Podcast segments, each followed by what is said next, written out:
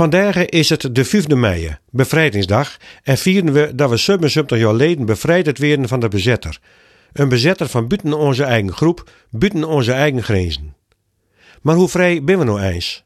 En komt de bedreiging van onze vrijheid tegenwoordig wel van buiten?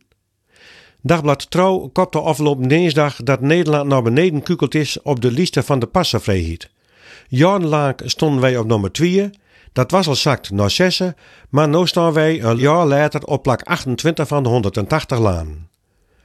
Het valt mij al langer op dat als het op de passenvrijheid of de bedreiging van de passen aankomt, dat de media zelfs dan vaker flink uitpakken. En dat zal logisch wezen om reden dat het zelfs dicht op de huid komt. Maar er zit ook een andere kant aan. Door de jaren her door Al-Qaeda een aanslag pleegd was op de redactie van het stripblad Charlie Hebdo in Parijs, doorlopen er in massa's mensen met een button of een vlag in.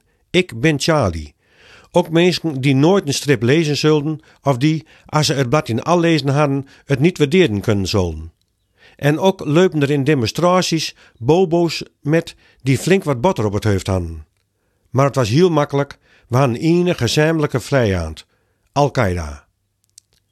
Kijk, dat de passenvrijheid bedreigd wordt, dat is duidelijk zat en dat moet flink afkeurd worden.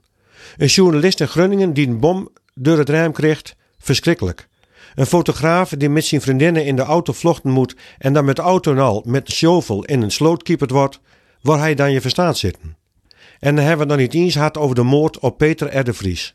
Nee, dit soort van acties moet flink aanpakt worden en de daders moeten hun verdiende straf krijgen vanzelfs.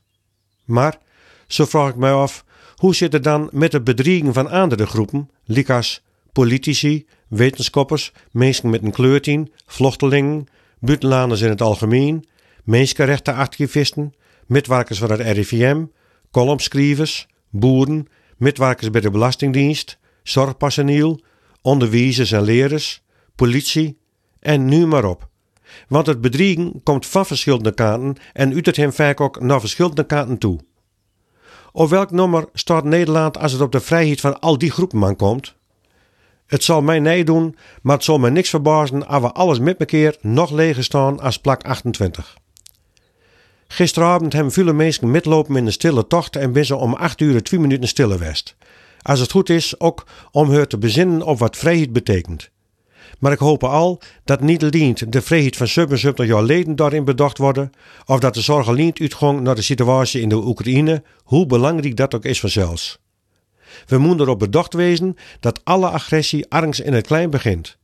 Als Jo en ik me keer al naar het leven staan, ook al is het maar met woorden, hoe zullen we dan klagen over mensen die een stap of een paar stappen verder gaan? Kijk, kritiek hebben op maandag is niks mis met, maar uiter die kritiek niet met bedreigings, staan aan niet naar het leven. Er is wel eens gezegd dat de vleugels van de vlinder in Brazilië maanden later in Texas een tornado opleveren kunnen. Nou blijkt dat wetenschappelijk geen sterk verhaal te wezen, maar het beeld vind ik wel mooi. Wat heel onschuldig in het klein begint, kan op het les verschrikkelijke gevolgen hebben.